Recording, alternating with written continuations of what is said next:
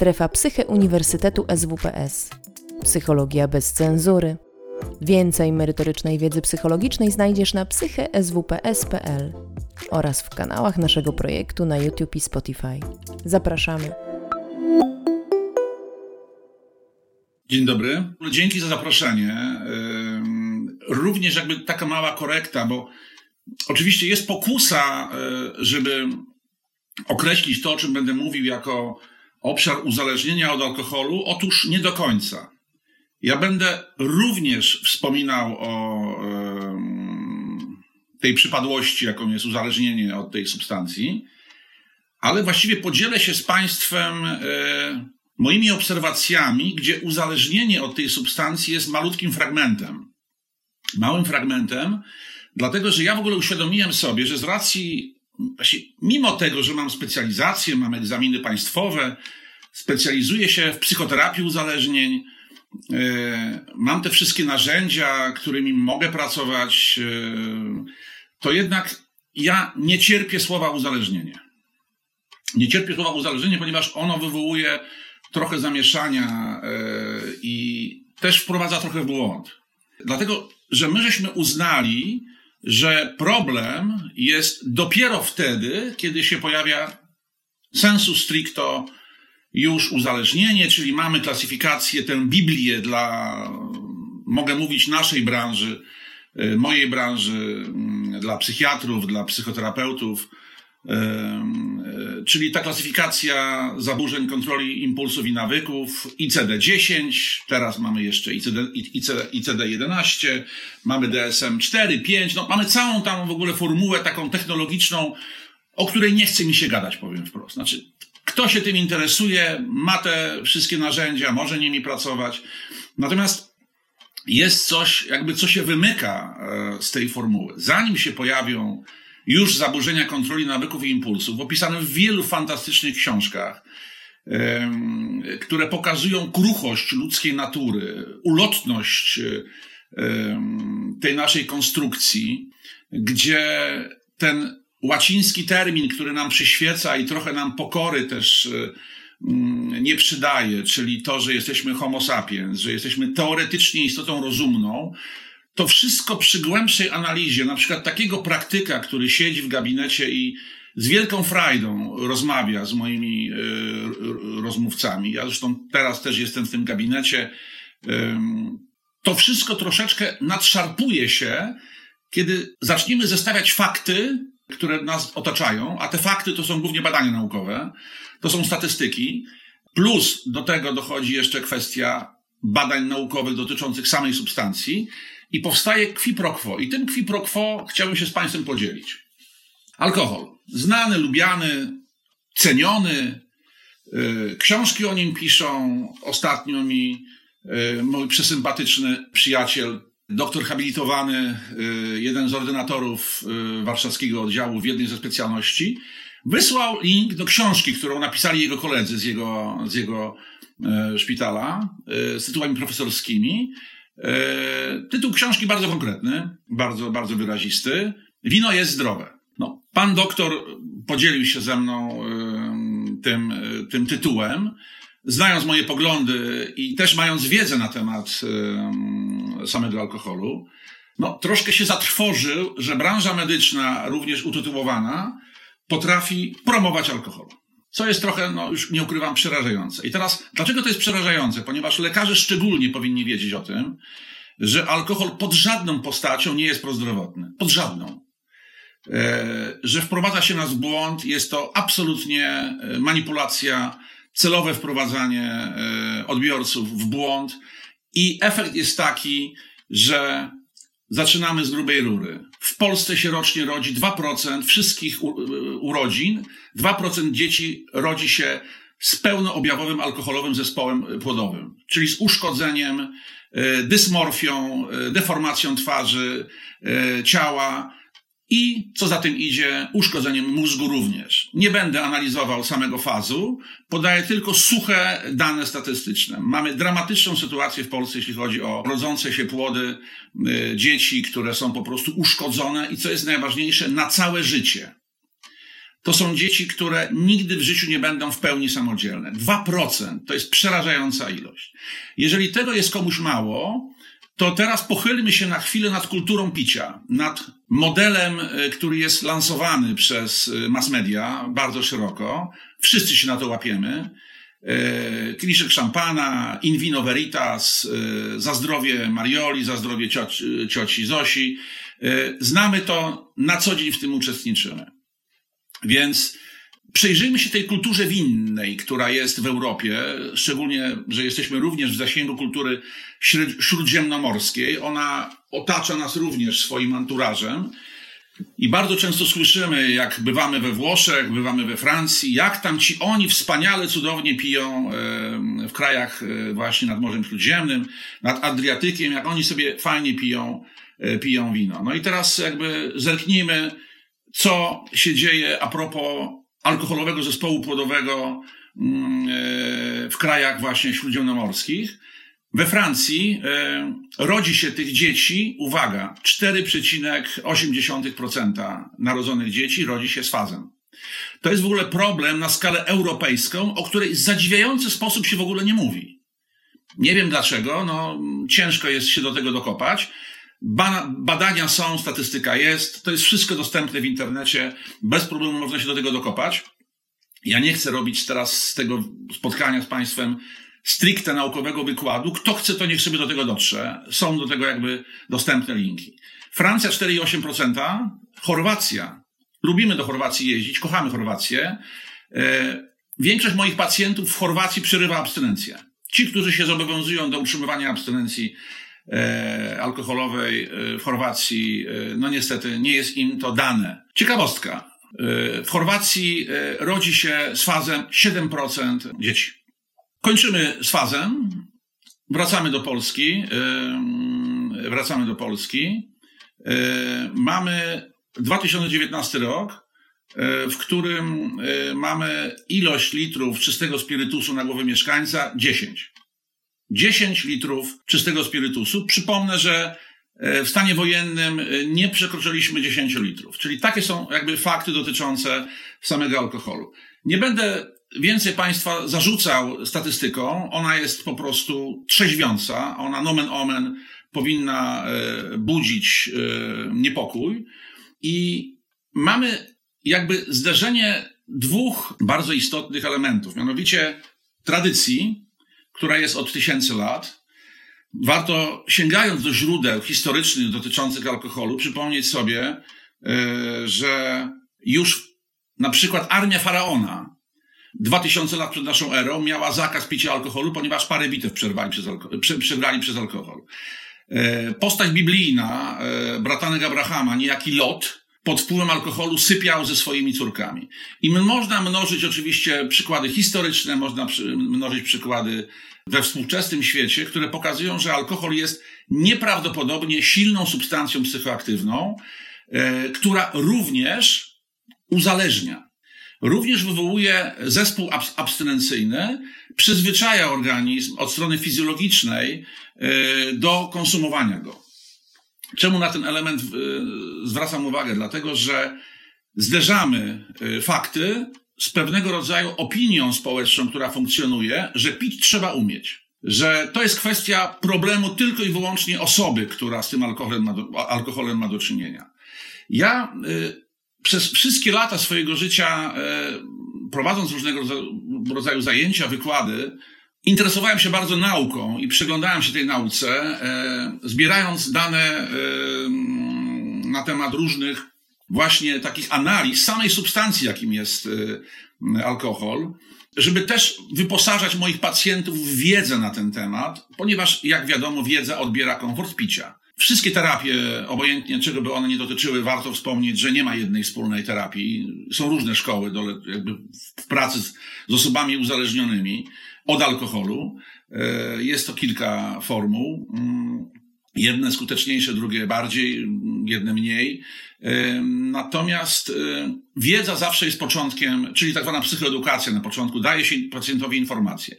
Praktycy, którzy pracują z osobami uzależnionymi, wiedzą doskonale, że żeby zaistniało zjawisko w postaci zaprzestania obsesji, no to wiedza nie jest czynnikiem wystarczającym. To jest trochę jak w logice, żeby pewne zjawisko zaszło, a w tym wypadku zaprzestanie konsumpcji, no to powinna być wiedza. Jest to argument konieczny, jest to warunek konieczny do zaprzestania, ale on nie jest niestety wystarczający. I teraz pytanie, co jest tym czynnikiem wystarczającym, żeby zaszło zjawisko oczekiwane, czyli zaprzestanie? E, pięknie powiedział kiedyś jeden z moich profesorów na mojej uczelni, e, każda wiedza, jak nie wejdzie w nogi, znika. To jest kwestia praktyki, kwestia wprowadzania pewnych zasad w życie. My często posługujemy się, przyglądając się osobom e, konsumującym środki psychoaktywne, przyglądamy się mm, i mówimy, że tu jest jakaś silna wola. No więc warto wspomnieć, że silna wola ma wymiar również neurobiologiczny. I tu się kłania wspaniałe badanie, które ja poznałem pierwszy raz e, zupełnie przypadkiem, będąc w Sztokholmie kiedyś na zajęciach. E, poznałem tam Polkę, która tam mieszka i pracuje. Ona mnie jakieś 10 lat temu poinformowała o istnieniu e, profesora Daniela G. Amena, amerykańskiego neurobiologa, który bada korę przedczołową, mózgi, robi skany mózgów, bardzo ciekawą metodologią, która się nazywa SPECT, Single Photon Emission Computed Tomography. To jest taka metodologia trochę inna niż rezonans, trochę inna niż tomografia. Również można sobie te badania e, znaleźć w internecie. Są bardzo ciekawe te badania i głównie się chciałem skupić na korze przedczołowej, ponieważ jak zobaczyłem te badania, to z nich wynika jedna bardzo ważna rzecz. U osób nieuzależnionych, u których nie występuje zespół abstynencyjny, którzy nie mają strat ani w obszarze społecznym, ani, ani w obszarze zawodowym i nawet nie dostrzegają jeszcze strat y, zdrowotnych, ponieważ wątroba jeszcze pracuje fantastycznie, y, nie ma żadnych kardiologicznych dysfunkcji, trzustka doskonale pracuje. Nagle się okazuje, że jak przeskanujemy y, korę przedczołową, to widzimy już wyraźne zmiany, które mogą wywoływać osłabienie aktywności kory przedczołowej, która jest dyrektorem naszego organizmu, jestem zarządcą. I jak to się może objawić? Brak przezorności, e, skrócenie czasu koncentracji, e, impulsywność, odkładanie spraw na później, dezorganizacja, zła ocena sytuacji, brak empatii, brak autorefleksji i najważniejsze, nieumiejętność uczenia się na swoich błędach. To są obszary, to są mm, zachowania, to są symptomy, które niekoniecznie człowieka już jakby usuwają poza margines, poza nawias, człowiek dalej może być sprawnie funkcjonującym, nawet wysoko menadżerem, natomiast najbardziej cierpią bliscy, najbardziej cierpią ci, którzy są jakby w zasięgu, w zasięgu e, ręki, wzroku, słuchu. I to przeważnie e, to oni zgłaszają, że jest jakiś problem. Mm, kora przedczołowa już u osoby, która nie wykazuje diagnostycznie uzależnienia, już niestety e, cierpi z powodu kontaktu, nie uzależnienia, samego kontaktu z alkoholem. Neurotoksyczność alkoholu, bo tu chodzi o ten metabolizm, chodzi o to, że alkohol się metabolizuje do poziomu aldehydu kwasu octowego i później on jest tym odpowiedzialnym właśnie e, za dalsze procesy degeneracyjne. Mnie najbardziej zainteresowało to, że to występowało u osób pijących raz w tygodniu. Bo to, co Państwu opowiadam teraz, to jest przykład takiego Amerykanina Andiego, lat 36, który pił sobie raz w tygodniu whisky e, sporadycznie, uważając, że picie raz w tygodniu nie jest żadnym problemem. O czym to świadczy? Że problemy w postrzeganiu rzeczywistości mogą występować już nie tylko przy jakby uzależnieniu od samego alkoholu, ale przy samej konsumpcji. I to był mniej więcej rok 2010-2011, kiedy ja te badania e, e, miałem okazję spotkać. E, bardzo mnie one zainteresowały i później ileś tam lat czekałem i spotkałem kolejne ciekawe badanie, które zrobili mm, e, e, Niemcy i Hiszpanie. Niemcy i Hiszpanie, ja się dowiedziałem o tych wynikach tych badań w 2019 roku, w kwietniu. Dokładnie w kwietniu zostały one opublikowane w Europie. Również są linki dostępne mm, w internecie, bez problemu można tam na te badania trafić. Instytuty niemieckie i hiszpańskie sprawdziły, ile czasu od momentu skonsumowania alkoholu, nawet w małej ilości, ile czasu jeszcze jest uszkadzany mózg. No więc te wyniki są też ciekawe, ponieważ od momentu skonsumowania alkoholu, nie będąc osobą uzależnioną, trwa to 6 tygodni. 6 tygodni. Czyli nagle się okazuje, że to nie jest kwestia tygodnia, dwóch czy trzech, ale nawet do sześciu tygodni następuje jeszcze pewnego rodzaju degenera, de, de, degeneracja e, e, różnych obszarów e, w naszym, e, w naszym mózgu. E, I to jest proces trwania nadal przez obecność aldehydu kwasu octowego. To nie jest jeszcze rozpoczęcie procesu regeneracji. To nie jest tak, że my się wyzerujemy do, e, po tych sześciu tygodniach. To jest kolejne badanie, które mnie bardzo zainteresowało. I badanie, które najbardziej mną poruszyło, ale właściwie bardziej mną poruszyło nie samo badanie ze stycznia 2019 roku, kiedy wszedłem w posiadanie informacji o tych badaniach. One się ukazały w Europie e, na jesieni 2018.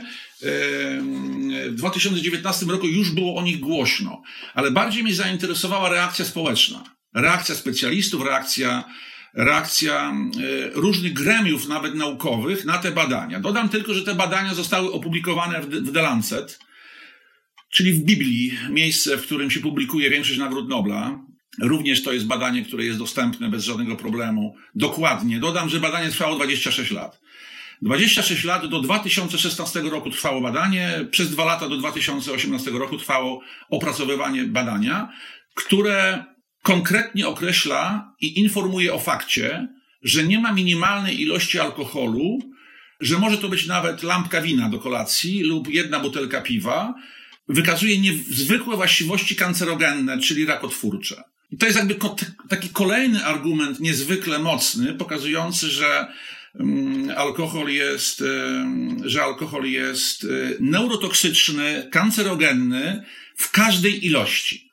I teraz co się dzieje po drugiej stronie? Dlaczego nadal traktujemy alkohol jako substancję, którą możemy sobie konsumować, możemy ją e, pić sporadycznie, e, uważając, że jest to bezpieczne. Na pytanie bardzo często dziennikarzy, którzy pytają się w rozmowach różnych specjalistów, Panie Robercie, e, jaka jest bezpieczna ilość alkoholu? Nie ma bezpiecznej ilości alkoholu. I to jest trochę odpowiedź na tę tezę z początku rozmowy, mojego wystąpienia. Dlaczego nie lubię słowa uzależnienie? Ponieważ to słowo utrwala przekonanie, że mogę pić alkohol, dopóki się nie uzależniłem. E, mogę, oczywiście mogę, ale muszę mieć świadomość strat i to bardzo poważnych strat, które wynikają z obecności alkoholu w naszym e, organizmie. Wino jest dobre. Ten tytuł jest bardzo symptomatyczny, ponieważ wielu z nas wręcz wierzy w prozdrowotny y, fakt, ten właśnie, że to jest coś, co jest dobroczynne, bym nawet powiedział, to spróbujmy jakby na, na chwilę się nad tym y, trochę zastanowić, dlatego że jeżeli mówimy o winie, w tym konkretnym wypadku o winie czerwonym, y, to mamy na myśli to, co jest bardzo często przywoływane przez niektórych, niektórych ludzi, którzy trochę poczytali, że wino zawiera w sobie antyoksydanty, że zawiera w sobie polifenole, konkretnie resveratrol. Faktycznie jest to prawda, że resveratrol ma właściwości antyoksydacyjne i ma właściwości dobroczynne, e, jeśli chodzi o organizm człowieka.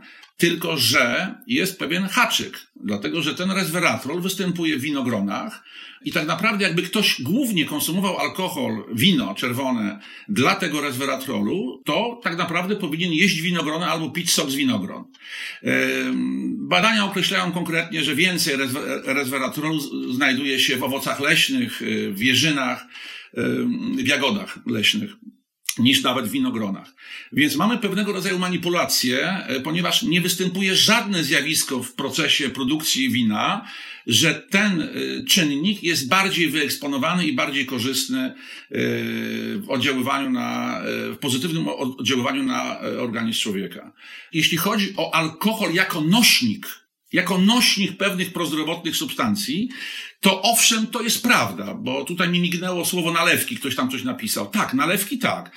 Tylko weźmy pod uwagę, że naleweczki e, są dozowane kroplomierzem, że powinny być konsumowane, alkohol jest używany jako e, ten pas transmisyjny właściwości tych pozytywnych.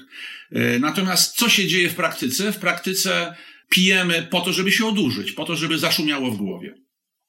Więc Dlaczego w ogóle alkohol jest taki pożądany? No jakby skupiamy się głównie teraz w tej części naszej rozmowy na tych negatywnych aspektach. Wszystko jest do sprawdzenia, bo ja tego nie wymyśliłem. To są moje e, jakby lata obserwacji e, świata nauki. Ja jestem człowiekiem nauki, kocham naukę, kocham wiedzę, lubię wiedzieć i nigdy bym sobie nie pozwolił przekazywać informacji niesprawdzonych, y, na które nie ma udowodnionych tez zawartych w jakichś tam konkretnych badaniach.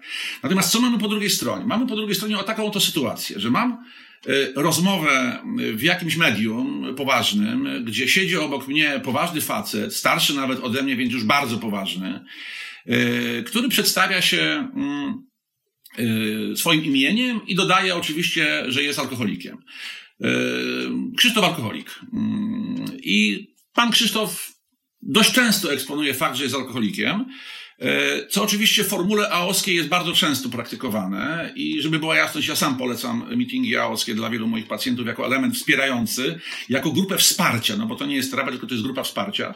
To jest bardzo fajna formuła, ale niestety też musimy się liczyć z pewnym faktem, że ciągłe przekonanie, że jestem chory, ciągłe przekonanie, że mimo iluś tam lat y, nie konsumowania alkoholu powtarzam sobie, że jestem człowiekiem chorym, to ma również negatywne konotacje i negatywny wpływ na nasz mózg, ponieważ człowiek dąży do homeostazy, do pewnej równowagi i poczucie, że jestem w czymś chory, może przeszkadzać w pełnym, prawidłowym zbudowaniu swojej świadomości, yy, swojej konstrukcji emocjonalnej przez ciągłe powtarzanie, że jestem alkoholikiem.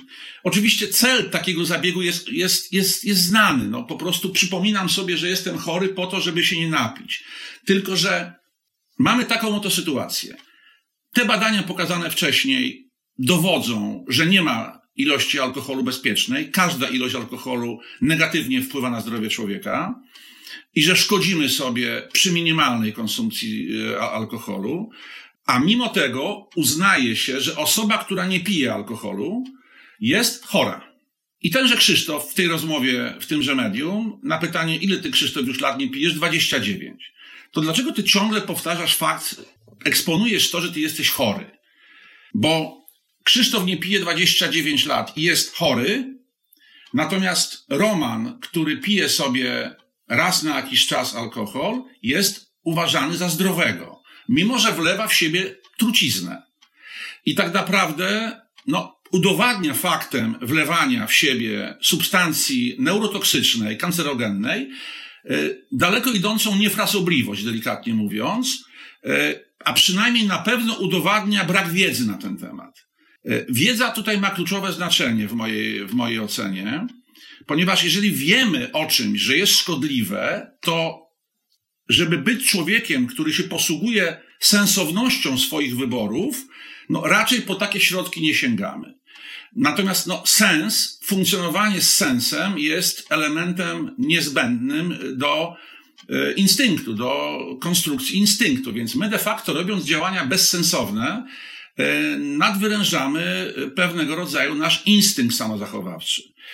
Taka jest teza. Picie alkoholu jest bez sensu z punktu widzenia biologii, neurobiologii, z punktu widzenia psychologii, a przede wszystkim yy, yy, miłości własnej, czyli budowania poczucia własnej wartości. Yy, tu znowuż na, jakby wychodzą naprzeciw badania, bardzo ciekawe, które mnie zainteresowały wiele lat temu, pokazujące, że osoby pijące alkohol, wznoszące kieliszkiem toast wysyłają komunikat podprogowy całkiem, że mają kłopot, że są słabe. Postrzeganie ludzi pijących jest nie do końca pozytywne. Zresztą o tym wiedzą już kreatorzy, o tym wiedzą piarowcy i na przykład nie promuje się ludzi, którzy są politykami, którzy są którzy dbają o swój wizerunek, no bo nie wszyscy politycy dbają o swój wizerunek, ale generalnie ci, którzy dbają o swój wizerunek, nie będą pokazywać się z kieliszkiem, bo to jest po prostu już demode. To przyszło już dawno temu, to już się troszeczkę coraz bardziej na szczęście rozpowszechnia. E, weźmy jeszcze papierosy na chwileczkę przywołajmy, bo papierosy są też ciekawym takim e,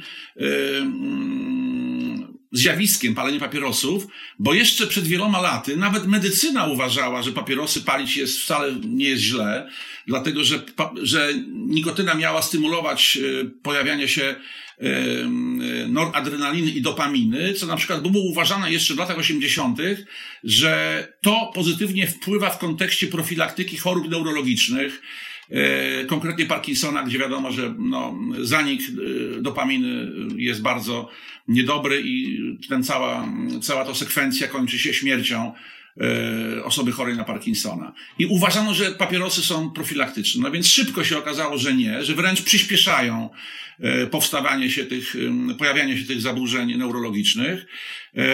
Sam niestety doświadczyłem tego bardzo boleśnie z powodu no, śmierci mojej mamy na Parkinsona kilka lat temu. Ja ten temat przeanalizowałem wzdłuż i wszerz.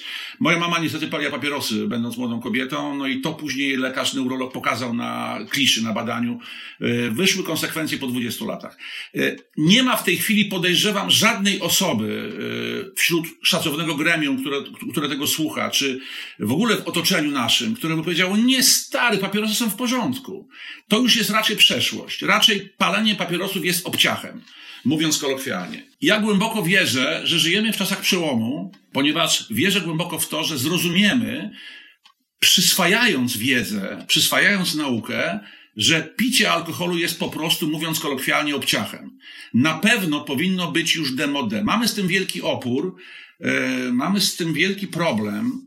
Yy, weźmy taki termin, abstynencja. Jeżeli pada termin abstynencja, to z czym nam się to kojarzy? No, głównie z alkoholem. Rzadziej pomyślimy o abstynencji seksualnej, y, rzadziej pomyślimy o innych y, jakichś tam zaniechaniach, ale mamy termin abstynencja. Mamy wybraną, wybrany termin, którym sygnujemy, określamy osoby niepijące, po to, żeby je w jakiś sposób odizolować, żeby w jakiś sposób je e, odznaczyć, żeby mieć poczucie, że ktoś jest abstynentem. To jest ciekawe zjawisko, również takie semantyczne, dlatego że ciężko jest znaleźć taki podobny termin, który będzie na przykład określał kogoś, kto nie kradnie, albo kogoś, kto nie robi jakichś innych złych rzeczy. E, ta abstynencja jest też takim pewnym terminem e, trochę dziwnym, dlatego że ja na przykład nie jestem abstynentem. Ja się mogę napić alkoholu. Ja to mogę dzisiaj po tym wykładzie kupię sobie dobre wino, to też mój termin taki ulubiony, dobre wino. Ja kupię dobre wino sobie i tym dobrym winem napiję się, załóżmy, nie wiem, dwie lampki. Yy, ja to mogę zrobić. U mnie nie będzie obsesji, żebym ja się następnego dnia napił. Ja nigdy nie byłem od alkoholu uzależniony. Yy, nigdy z alkoholem nie miałem yy, problemu. Ja się uwrażliwiłem trochę w postrzeganiu alkoholu, ponieważ no nie mogę tego powiedzieć o innych substancjach. Ja w książce o swoich narkomana opisałem swoją historię moich doświadczeń, eksperymentów z różnymi innymi środkami odurzającymi. Natomiast to wywołało u mnie również ciekawość, dlaczego substancja, która oczywiście mi jest y, znana. Ja znam alkohol bardzo dobrze. Y, w latach 80., 90. byłem konsumentem alkoholu, ale z racji dystansu również do środków, do środków takich niesamowicie ciężkich, narkotykowych, przyglądałem się sobie samemu, z dużą ciekawością. Mówię, kurczę, dlaczego ten alkohol jest legalny, a przecież moje zachowania są e, wcale nie e, bardziej pozytywne niż po ciężkich narkotykach. Puenta. Alkohol jest niezwykle ciężkim narkotykiem, nieprawdopodobnie silnie uzależniającym. E, I pytanie, dlaczego jest legalny? Oczywiście Amerykanie już doświadczyli mm, e, tego eksperymentu z nielegalnością alkoholu, po zakończeniu którego okazało się, że w Stanach było więcej pijących e, niż przed wprowadzeniem prohibicji, więc prohibicja nie jest dobrym pomysłem. Ja nie jestem ortodoksem, który będzie krzyczał precz precz z alkoholem, pozamykać wszystkie sklepy, jak niektórzy neofici niestety tym się wykazują, że pozamykać. Jesteśmy istotami kruchymi, y, które będą miały coraz większą y, ofertę za chwilę będziemy kupować na stacjach benzynowych marihuanę. To jest kwestia nieunikniona. Jestem absolutnym przeciwnikiem palenia marihuany, ale uważam, że to jest również substancja, która powinna być legalna, żeby uniknąć bardzo wielu e, komplikacji i prawnych, i również dramatów ludzkich, ludzi, którzy po prostu chcą się odurzać. Człowiek, który się odurza, w tym wypadku alkoholem, musi się liczyć z tym, że ogranicza, ogranicza swoje pewnego rodzaju możliwości percepcyjne, koncepcyjne, intelektualne, seksualne również. No przecież to słynne powiedzenie, że alkohol zwiększa chęci, a zmniejsza możliwości. No, jeszcze jedna rzecz, ponieważ ja się, jak wczoraj się y, zastanawiałem nad tym dzisiejszym naszym spotkaniem, y, to oczywiście zwróciłem uwagę na tytuł konferencji behawioralne, uzależnienia behawioralne. No to już się rozprawiłem z tym uzależnieniem, już powiedziałem, dlaczego go nie cierpię. No to jeszcze dwa słowa o tym behawiorze.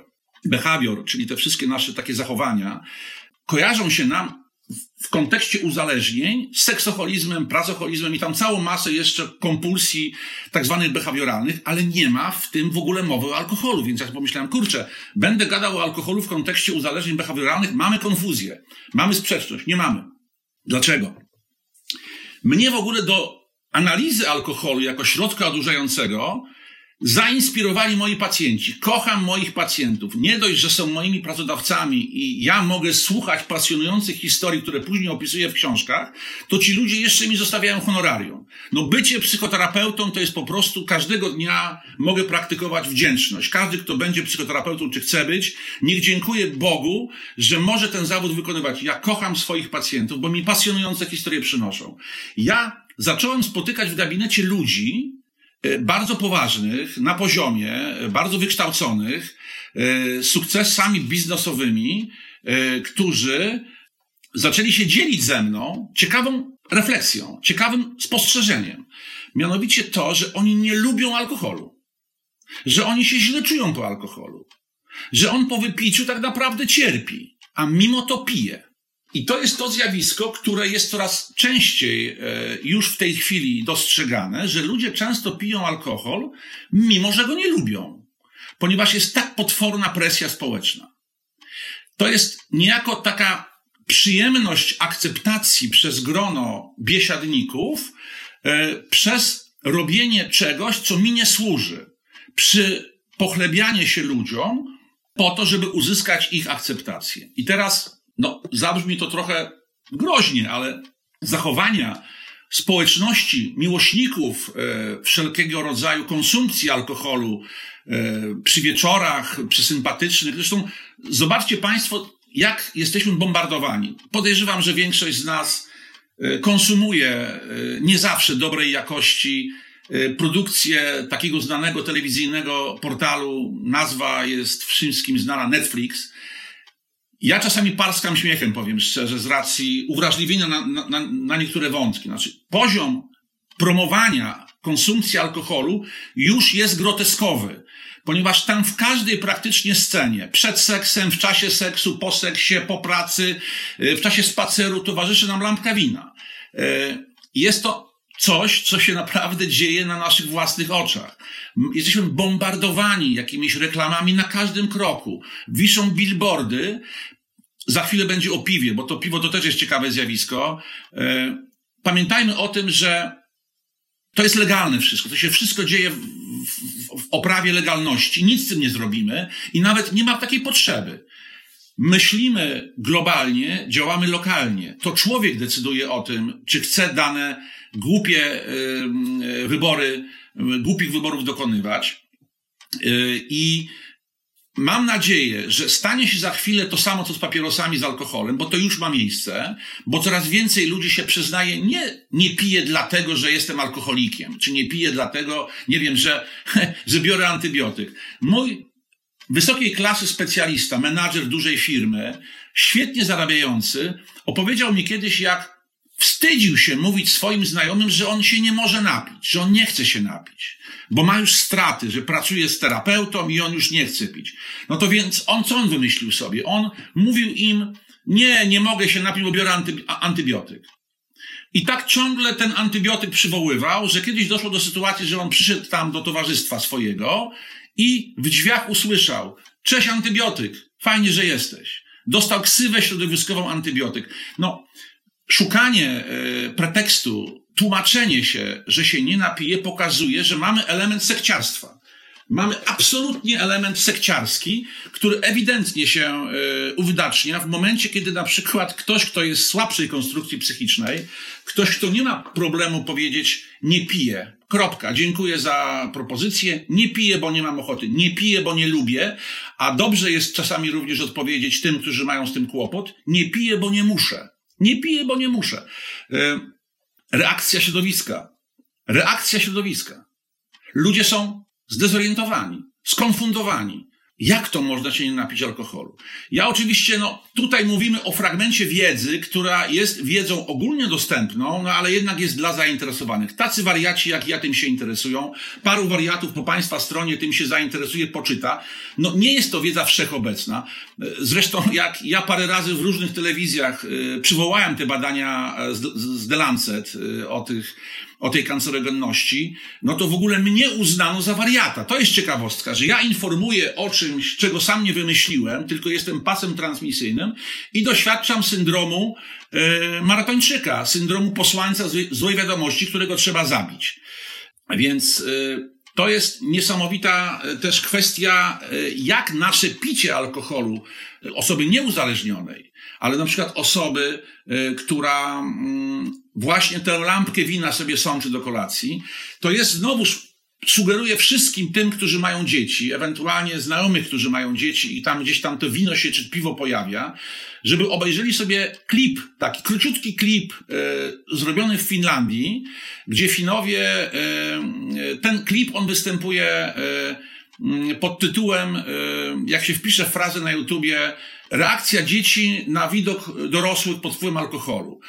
Oczywiście błędnie jest napisane w niektórych opisach tego klipu, że na widok alkoholika, ponieważ również tak dziecko reaguje e, na widok osoby, która nie jest uzależniona, która nie jest pod wpływem, pod wpływem, która nie jest uzależniona od alkoholu, tylko jest pod wpływem tej substancji. E, nie mogę zapomnieć o piwie, ponieważ piwo oczywiście jest reklamowane wszędzie wobec, e, piwo jest traktowane w ogóle jako niealkohol. Natomiast to jest jedyna substancja psychoaktywna dostępna na rynku, która ma w sobie dwa środki psychoaktywne. Nie ma żadnej drugiej takiej substancji, która by była dwa w jednym. Ponieważ piwo ma w sobie alkohol, jeżeli ma alkohol oczywiście, Pamiętajmy, że piwo to jest do tam, nie wiem, 5%. Powyżej to już jest jakiś napój, yy, który jest raczej nie piwem. Ale do 5% jest traktowane to jako, jako piwo. Natomiast drugim czynnikiem, który zmienia świadomość e, konsumenta, to jest lupulina. Lupulina, o której pięknie Pawlikowska Jasnorzewska, bo chodzi o chmiel, e, pisała, położyłam głowę na poduszce z chmielu. Czyli już poeci zauważali, że chmiel ma właściwości uspokajające, wyciszające, relaksujące mieszanka alkoholu z, z lupuliną daje taki właśnie efekt pożądany, który miliony konsumentów e, przyzwyczaił do spożywania piwa i to jest ciekawostka, bardzo silnie uzależnił. Konsumpcja piwa traktowana jako sukces jednak jest również swoistym nieszczęściem, ponieważ piwo jest niezwykle silnym anksjolytykiem, środkiem rozluźniającym, i z mojej pracy, z mojego doświadczenia w gabinecie terapeutycznym wynika, dużo trudniej mi się pracuje z osobami, które uzależniły się od wina czy od wódki, niż, od, niż z tymi, którzy się uzależnili od piwa. Piwo dużo silniej, dużo mocniej uzależnia. Więc długo mógłbym jeszcze o tym wątku opowiadać, o tych moich obserwacjach, jeśli chodzi o moją pracę na froncie, bo jestem człowiek, który nie siedzi w papierach, nie pisze badań, e, czasami przygotowuję wykłady, e, ale generalnie ja to wszystko gdzieś tam pozyskuję od moich pacjentów. Ta presja społeczna mnie coraz bardziej naprawdę niepokoi w kontekście młodych ludzi. Bardzo dziękuję za rozmowę, za tą możliwość tego wystąpienia.